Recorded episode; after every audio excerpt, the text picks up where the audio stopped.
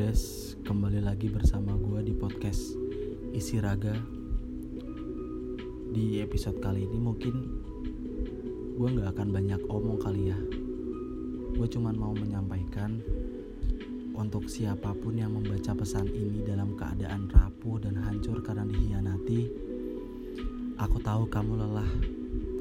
Kamu muak Kamu merasa putus asa.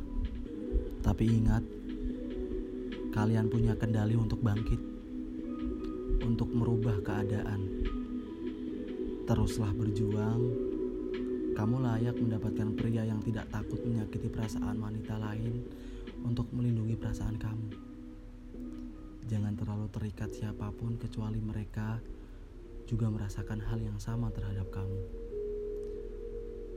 Karena harapan satu sisi hanya akan menghancurkan kamu secara, secara mental. Kamu tidak harus membangun kembali hubungan dengan semua orang. Kamu sudah memaafkan.